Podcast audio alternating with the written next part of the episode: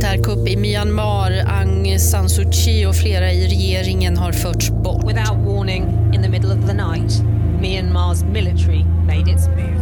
Pre-dawn raids, the first confirmation it was seizing power.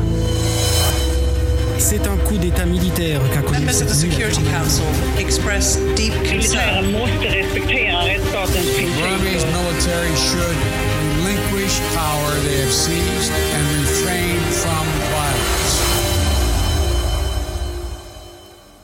Hej och välkomna till Burmapodden. Idag är det den 18 februari 2021 och jag som sitter framför mikrofonen heter Alexander Jätma och med mig har jag som vanligt min kollega Kristina Hjelmin. Japp. Och dagens avsnitt kommer att handla om den otroligt dramatiska utvecklingen vi har sett i Burma här de senaste veckorna. Det, militären har tagit makten i en statskupp. Man har avsatt den folkvalda civila regeringen och nu styr överbefälhavare Min Aung Hlaing landet. Och det här är ju en situation som liksom fortsätter att utveckla sig medan vi pratar och det är kanske det är lite svårt att veta var man ska börja i allt det här men jag tänker att på något sätt måste vi väl ändå gå tillbaka drygt två veckor i tiden och, och kanske bara börja med hur vi liksom nåddes av den här nyheten och vad som hände där de första dagarna. Ja, det var ju egentligen direkt efter midnatt där, tidig morgon den första februari. Och den första nyheten var ju då att ledande politiker hade gripits och förts bort. Aung San Suu Kyi och eh, även presidenten och även andra högt uppsatta i regeringen och eh, även på lokal nivå. Eh, och första reaktionen för oss var ju att bara verifiera, kunde det här verkligen vara sant? För det här var ju väldigt eh, oväntad utveckling. Ehm, och sen snart därefter så gick ju militären in och eh, bekräftade att de utlyste undantagstillstånd och helt enkelt tog över makten, som du sa, i landet.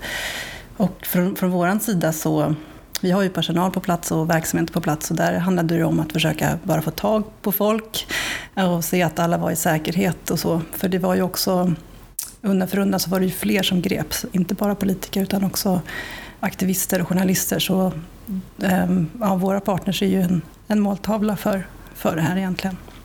Och det var ju också ganska stor dramatik där såklart när allt det här skedde och samtidigt så eh, stängdes ju internet ner och det var svårt att liksom nå fram till folk och sådär. Och sen, som sagt, jag tror chock från vår sida och chock från övriga kollegor och, och vänner och partners som vi arbetar med. Ehm, och de första dagarna så var det ju alldeles lugnt på gatorna i, i Yangon då, där vi har vårt kontor. Ehm, och, men redan efter några dagar så började just det här väldigt starka motståndet byggas upp. Så det har ju varit väldigt tydligt att folk vill inte se en återgång till diktatur. Det har varit chock och bestörtning från, från, eh, ja, från folk. Så det, det tänker jag är liksom en väldigt viktig händelseutveckling här. Att det här svaret från befolkningen har varit så, så starkt. Och det finns en väldigt, så samtidigt som man är chockad och väldigt sorgsen och så, att se det här väldigt märkliga händelseutvecklingen eh, så, så vi känner man ju också viss styrka och hopp i, i de här starka protesterna som sker. Och de här protesterna har ju egentligen bara ökat dag för dag här som har gått. Eh, vi har ju nu sett den senaste veckan och egentligen före dess också att det är massiva demonstrationer ute på gatorna i alla stora städer runt om i landet och även i mindre städer och på landsbygden protesterar folk. Så det har ju blivit verkligen landsomfattande protester mot det här. Eh, Samtidigt har vi ju sett en stor polisiär och nu senaste veckan även militär närvaro eh, bland de här protestanterna eller bland demonstrationerna. Och än så länge har vi inte sett liksom storskaligt våld men det är ju polisen har ju ingripit hårt eh, i flera fall och det är ju till och med minst en person som har avlidit eh, och många som har skadats. Som du nämnde där i början så var det ju här något som tog alla på sängen och det var en väldigt oväntad händelse. Om man, om man tänker tillbaka till den där helgen där sist, slutet på januari så var det ju en hel del rykten som florerade. Liksom att någonting var på gång. De här spänningarna mellan militären och NLD hade trappats upp där precis veckan in, inför det här. Och det var ju rykten om att militären på något sätt skulle göra någonting men det var ju ingen som liksom på riktigt trodde att det skulle bli en regelrätt statskupp och att militären med våld skulle ta tillbaka makten och att Aung San Suu Kyi återigen skulle sitta i husarrest. Och det var ju också oväntat på så sätt att militären hade ju redan en väldigt stark ställning i landet. Det var ju, jag menar, det var ju deras konstitution som hela systemet byggde på. De har ju 25 procent av platserna i parlamentet och de har de här ministerposterna och de är garanterade en vicepresident och så vidare. Så de sitter ju på en otrolig, otrolig makt. Så att man undrar ju varför de kände sig nödgade att ta till det här otroligt dramatiska steget som de valde att göra. Ja, och det är ju det som alla frågar sig nu varför det här sker och varför det sker just nu. Och det man kan säga, ja det vet vi ju inte, mm, det är ingen som vet mer än de själva egentligen, men det man kan säga är att det sker ju mot bakgrund av parlamentsvalet. Och eh, det de själva hävdar är ju eh, de här valfusksanklagelserna då. Och det var ju det som du nämnde att det var rykten helgen innan här. Och det handlade ju om det här upptrappade retoriken om, om valfusk. Men där måste man ju säga att de är ju liksom det finns ju ingen substans i dem och de är ju egentligen ganska flagrant att man tar till den, den typen av argument ehm, och att man då tar den här väldigt extrema åtgärden, statskupp. Men det är intressant ändå att det är det man hävdar, man liksom försöker rama in det här i någon form av vi går in för landets bästa på något sätt. Det har skett eh, oegentligheter som vi måste rätta till. Men om man tar ett steg tillbaks och funderar på vad, vad det har att göra med, så de flesta Ehm, argument, argumenterar ju kring två, två olika teorier och det handlar ju om att man helt enkelt tycker att um, makten glider dem ur händerna, alltså deras långsiktiga makt um, riskerar att minska och att det då har att göra med NLDs och Aung San Suu Kyis enorma stöd i landet och att de nu för andra gången i rad fick den här väldigt stora valvinsten. Precis, helt egen majoritet i parlamentet. Och som, som också att, ja, att man nu inför, alltså, för det var ju oväntat på så sätt att under de här första fem åren som NLD har haft makten så som vi brukar återkomma till så har man ju inte egentligen fördjupat demokratin, man har inte undergrävt militärens makt utan de har ju haft kvar sin den här rollen och som du sa satt egentligen i en guldsits. Men då möjligtvis att inför ett an, en andra mandatperiod eh, så så liksom blev hotet för, för stort att de, de till och med gick fram då, NLD, och att risken kanske finns att de då skulle gå hårdare åt, eh, verkligen göra någonting åt konstitutionen och så vidare. Eh, ja, men sen så är det den här andra delen då att det kan ha att göra med personliga maktambitioner hos, hos Min Och det, den tycker jag är lite svår att prata om för det låter så orimligt att, att en individs maktambitioner kan, kan liksom man sätter hela folkets väl och ve på spel. Men det är ju det som, jag, som kommer väldigt mycket fram lokalt när man pratar om det här. Att eh, det här med att Min Anglai skulle gå i pension det här året. Ehm, och och eh, att han hade ambitioner att bli president genom att man hoppades på att det här militärbackade USDP skulle vinna. Eh, och kanske att det finns den här oron för de internationella domstolsprocesserna som, som sker och var, ja, att det fanns en oro att de skulle bli utlämnade. Jag vet inte riktigt, det är väldigt svårt att säga vad som ligger i de här, men, men en kombination av kanske Eh, personliga ambitioner och den här långsiktiga risken för att makten undermineras får man ändå tänka sig att det, att det är det det handlar om. Snarare än de här anklagelserna om valfusk. För de är, vad ska man säga, det är svårt att säga löjligt när det är sådana fruktansvärda händelseutvecklingar. Men det är mer som en chimär liksom. Och det, det, är ju något bara man kan notera att militären har ju varit otroligt egentligen noga med sen de tog makten. Att de har ju verkligen ansträngt sig för att säga att det här sker helt enligt konstitutionen och de gör det för, som du var inne på, att skydda liksom systemet och, och sådär. Och så att det, på det sättet menar ju de själva att det här skiljer sig från tidigare militärövertaganden i landet, till exempel 88 då man helt avskaffade eh, konstitutionen. Mm. Eh. Och det har att göra med att det här är liksom en, en, en, vad ska man säga, politisk era, eller det här är någonting som den här konstitutionen tog ju mer än ett decennium att arbeta fram och det här är verkligen en en maktdelning som, som är en långsiktig plan och det är därför som det är svårt att se. Um, och de, därför de också hävdar att de vill hålla kvar det. Men ja, vi kan ju återkomma till det, men det, det är ju inte konstitutionellt ens. Nej, absolut inte. Och det tror jag det är många som har förklarat varför det inte eh, såklart är konstitutionellt. Och, och... och, och det är ju det som nu de här stora process, protesterna som vi ser, det handlar ju om att folk köper ju inte det här. Eh, shameless lies eh, Absolut. kommer ju ifrån. Så... Och som sagt, det, varför exakt, det är ju ingen som vet. Men jag tänker vi ska gå vidare lite och vi ska fördjupa oss lite tänkte jag, i just de här otroligt utbredda protesterna som vi har sett nu växa starkare dag för dag. Och vi har ju inför det här avsnittet har vi pratat med två personer som befinner sig liksom mitt i det här på plats. Eh, så vi, jag tänkte vi skulle lyssna på lite utdrag ur de intervjuerna vi gjorde här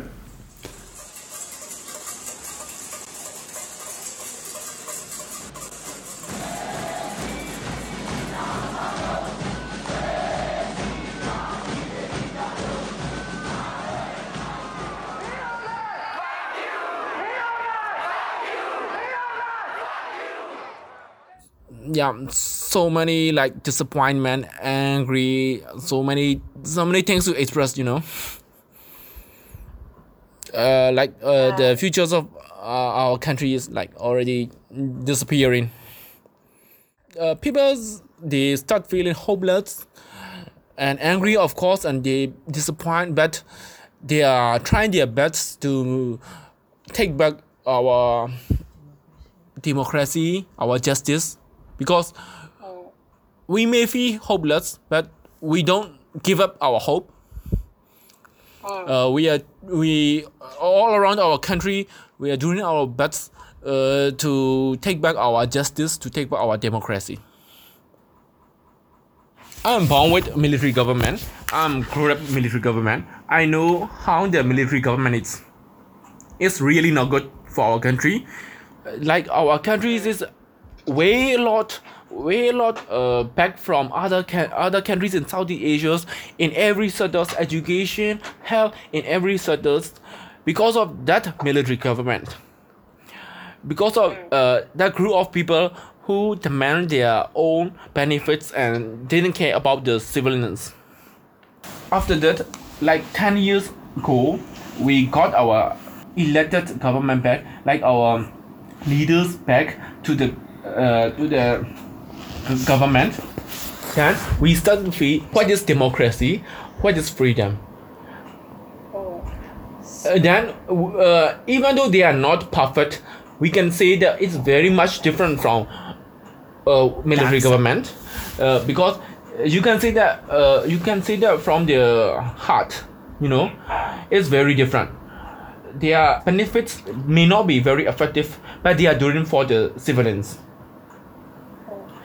And after feeling that for 8 10 years, I can go back to military government.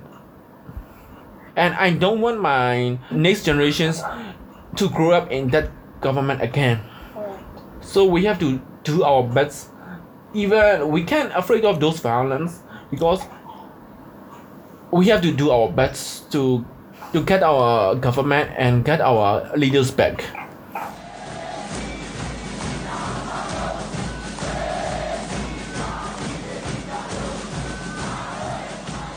We brushed off the rumor of possible military coup when we heard it back in January. We weren't prepared for it. We didn't think we would be back here, you know, like how did we get here? So it was scary, but also very confusing. Everyone was obviously scared because we know that these guys, the military has no problem targeting people, attacking people, hurting people because they have done it and they continue to do it in all different ethnic areas in Rakhine, ongoing in, you know, the, against the Karen people. And so they could also easily do it in any part of the country. So that physical oppression by the military was something that we were worried about each other. So it's still a very dangerous uh, situation for human rights defenders as well as journalists. As more and more people are coming out, right? We have dozens of different cities across the countries that started coming out, you know, every day tens of thousands of people in even in ethnic states. So in Yangon, it was hundreds of thousands of people in Yangon. Den första personen vi hörde i det här inslaget är statsanställd tjänsteman och han är ju en del av det här som kallas eh, Civil Disobedience Movement som i mångt och mycket går ut på att statsanställda från olika sektorer arbetsvägrar och strejkar eh, som ett sätt att få liksom hela statsapparaten att stanna upp. Mm. Som en väldigt stark protestyttring och det här har ju blivit väldigt spritt i landet i många sektorer. Och den andra personen eh, vi hörde här är journalist och Eh, aktivist och också väldigt aktiv i de här protesterna som pågår. Ehm, Jag tycker man blir väldigt drabbad när man lyssnar på båda de här intervjuerna av den här eh, väldiga beslutsamheten framför allt, eh, men också ilskan och emellanåt uppgivenhet kanske.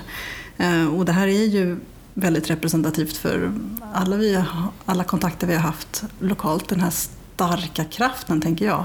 Att eh, folk vägrar helt enkelt den här utvecklingen. Och eh, ja, det är de, de har ju byggts upp de här protesterna.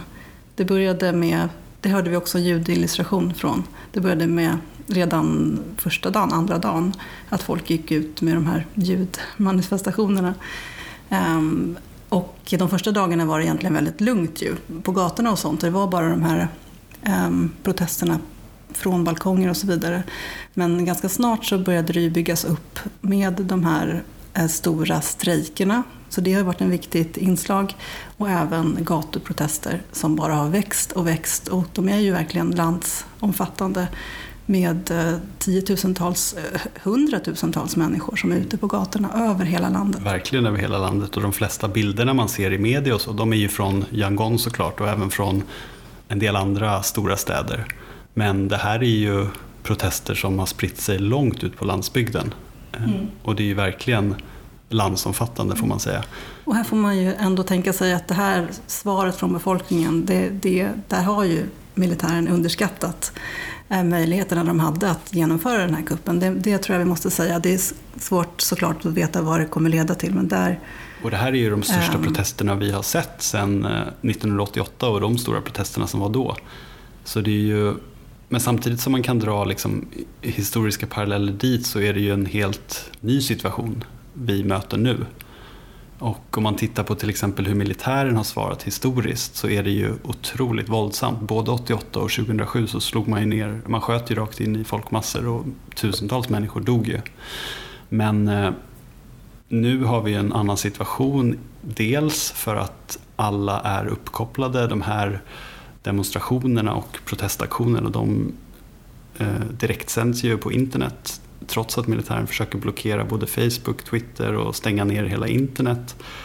Eh, och sen har vi ju att det här sker mot en helt ny bakgrund för att landet har ju faktiskt varit fritt från diktatur om man säger. Även om militären har haft stort inflytande så har ju befolkningen levt i en helt annan öppenhet de senaste tio åren det finns ju liksom en ung generation som tar stor plats i de här processerna och som har växt upp med liksom täta band till omvärlden och under en liksom helt annan frihet än vad tidigare generationer har gjort. På, på ett sätt kanske det kan låta lite, jag vet inte, klyschigt eller sådär att man eh, hoppas på den här unga generationen och pratar om internet och så, men det, det är ju en stor skillnad. Man har haft, inte ett demokratiskt system, men stor frihet om man jämför med diktaturen. Om man har röstat fram den här ikonen Aung San Suu Kyi i två val och så kommer militären och tror att det fortfarande är liksom diktatur, att de bara kan gå in och ta makten så här.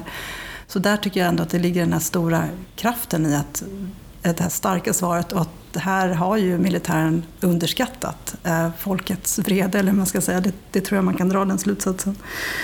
Och Men, samtidigt är man ju orolig såklart ja. för att det ska bli ett eh, väldigt hårt bakslag. Mm. Men för, från, från demonstranternas sida så, så är det ju väldigt tydlig sån icke-våldsstrategi. Man aktar sig väldigt noga för att bli provocerad eller ta till våld. Så trots att det är då tiotusentals, hundratusentals människor ute på gatorna så är det ju lugna protester.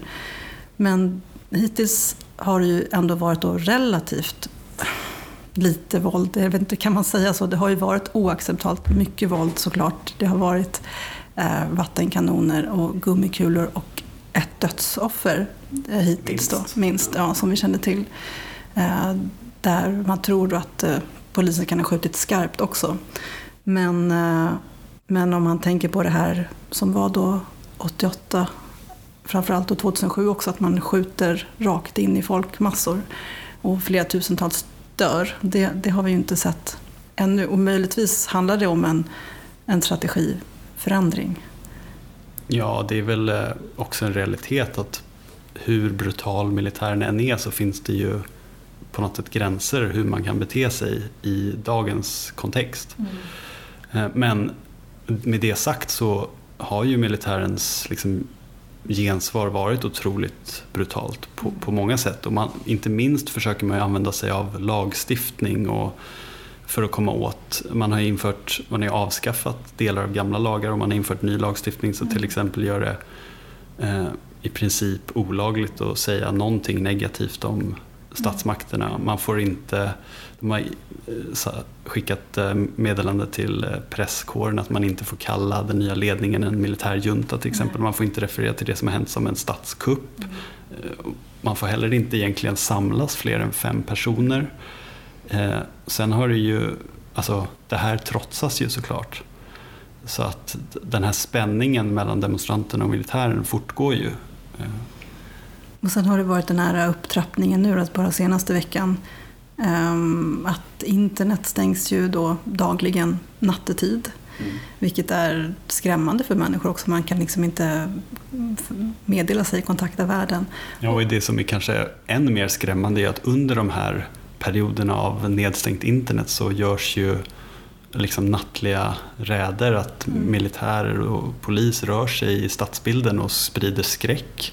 Man har ju även arresterat flera av de här liksom identifierade ledarna i proteströrelsen. De eh, kliver man in och griper nattetid och för bort. Mm. Och de här nya lagarna gör ju även så att man behöver längre inte några tillstånd för att arrestera och hålla folk gripna mm. Eh, på i princip obestämd framtid. Så det är ju ja, men det är ju verkligen en återgång till diktatur och det är, det, är därför man förstår såklart den här enorma ilskan och frustrationen och såklart uppgivenheten också som liksom när man har levt tio år i ett relativt fritt samhälle. Men trots då de här vad ska man säga, hoten och nya lagarna och gripandena så har ju demonstrationerna inte, inte minskat utan nu är det någon form av, vad ska man säga, makt, maktdemonstration, maktkamp. Um, och man undrar ju såklart hur, vad som är nästa steg. Man bävar ju för vad som ska hända. Samtidigt är ju, alltså båda de här scenarierna är ju också osannolika på något sätt. Att dels att militären skulle gå in hårdhänt och liksom bryta upp de här protesterna om det ens skulle vara möjligt med tanke på omfattningen. Å andra sidan är det ju också så att de på något sätt har målat in sig i ett hörn. De kan ju heller inte backa hur som helst utifrån det här.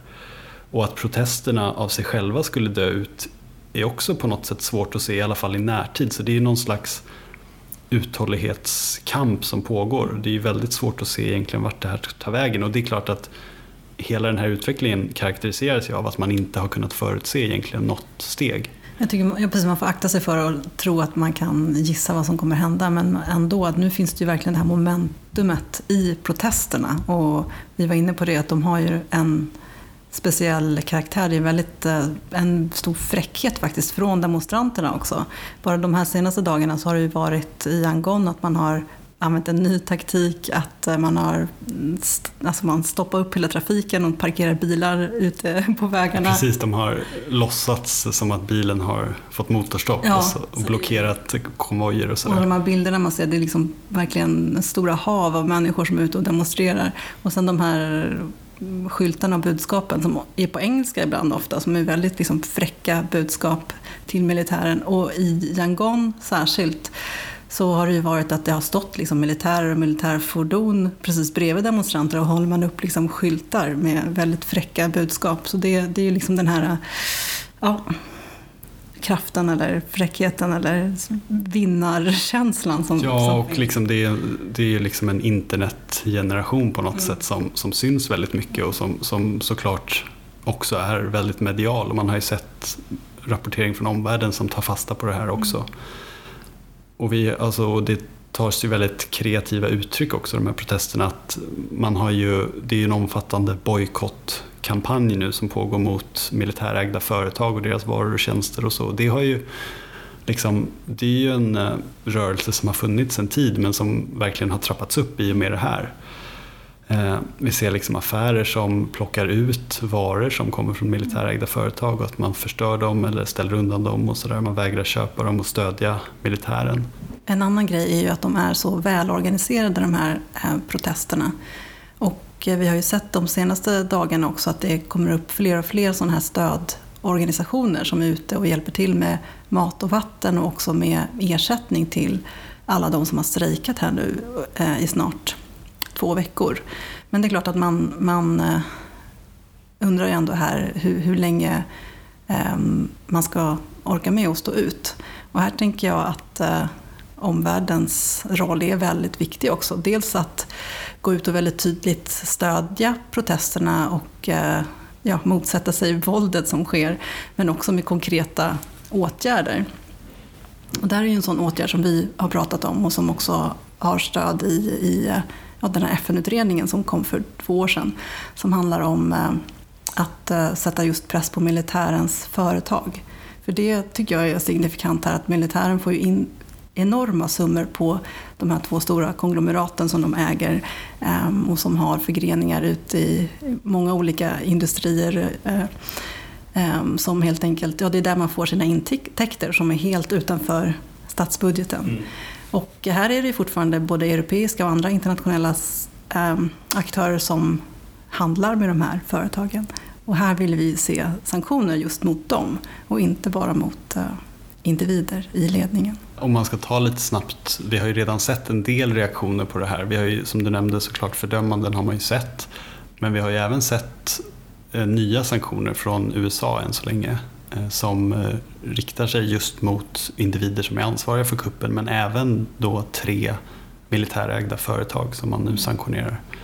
Vi har sett eh, bara idag faktiskt Storbritannien avisera sanktioner mot ett antal individer och det är ju EU-möte nästa vecka och det kommer förmodligen här i närtid komma nya åtgärder från dem. Men som sagt, och något annat vi har sett den här senaste tiden är ju att man har stoppat olika typer av utvecklingssamarbete som man har haft direkt med den burmesiska staten.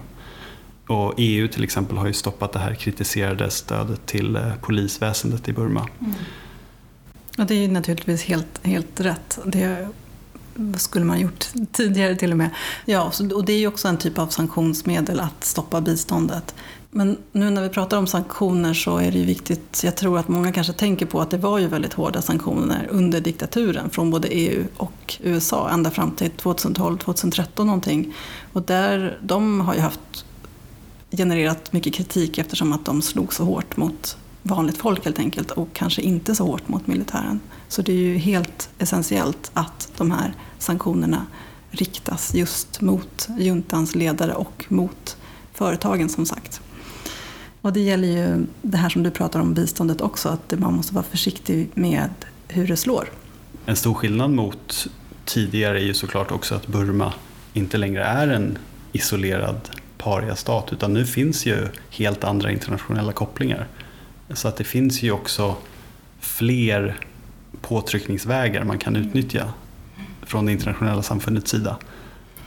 Och det tycker jag också är en viktig poäng i att eh, militären har ju lagt ner så väldigt mycket kraft och möda till att komma till den här situationen som var nu, fram tills för två veckor sedan, att man har öppnat upp och man har försökt minska det här beroendet av Kina till exempel. Och, så där. och jag tänker att det är ett argument för att det är så otroligt höga kostnader om man nu ska gå in med den hårda repressionen och liksom stänga sig igen.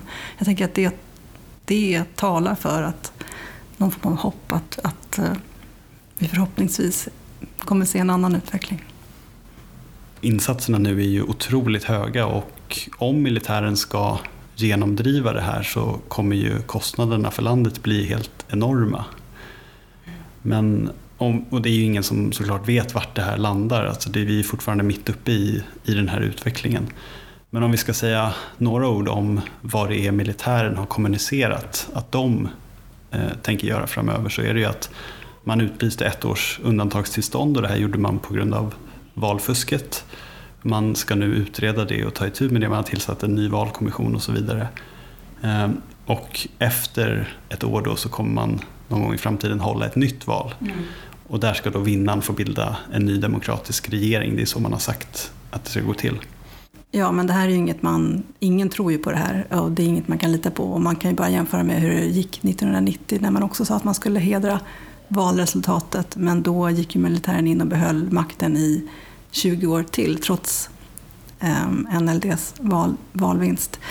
Eh, men jag tycker man tydligt kan se att eh, planen här är ju på något sätt att plocka bort Aung San Suu Kyi ur spelet och eh, neutralisera det här stora stödet för NLD på något sätt. Men där, där tycker jag man kan verkligen ifrågasätta hur det ska gå till. För hon, dels finns hon ju hon finns ju kvar på något sätt, även om de fängslar henne eller sätter henne i husarrest. Som den här enorma kraften och kanske med ännu större lyskraft då, som, som en, det här martyrskapet kring henne förstärks. Eh, men också att hennes väljare finns ju kvar. Det här stora, stora motståndet och som sagt, ett helt, stora delar av landet har ju röstat fram henne. Så att de, jag tänker att de har ju stött på motstånd här verkligen. Stödet för henne finns kvar, stödet för NLD är fortsatt starkt och de här protesterna fortsätter ju i oförminskad skala.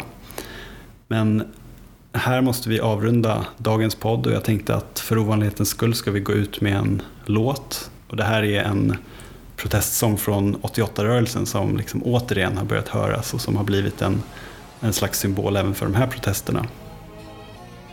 Tack för att ni har lyssnat.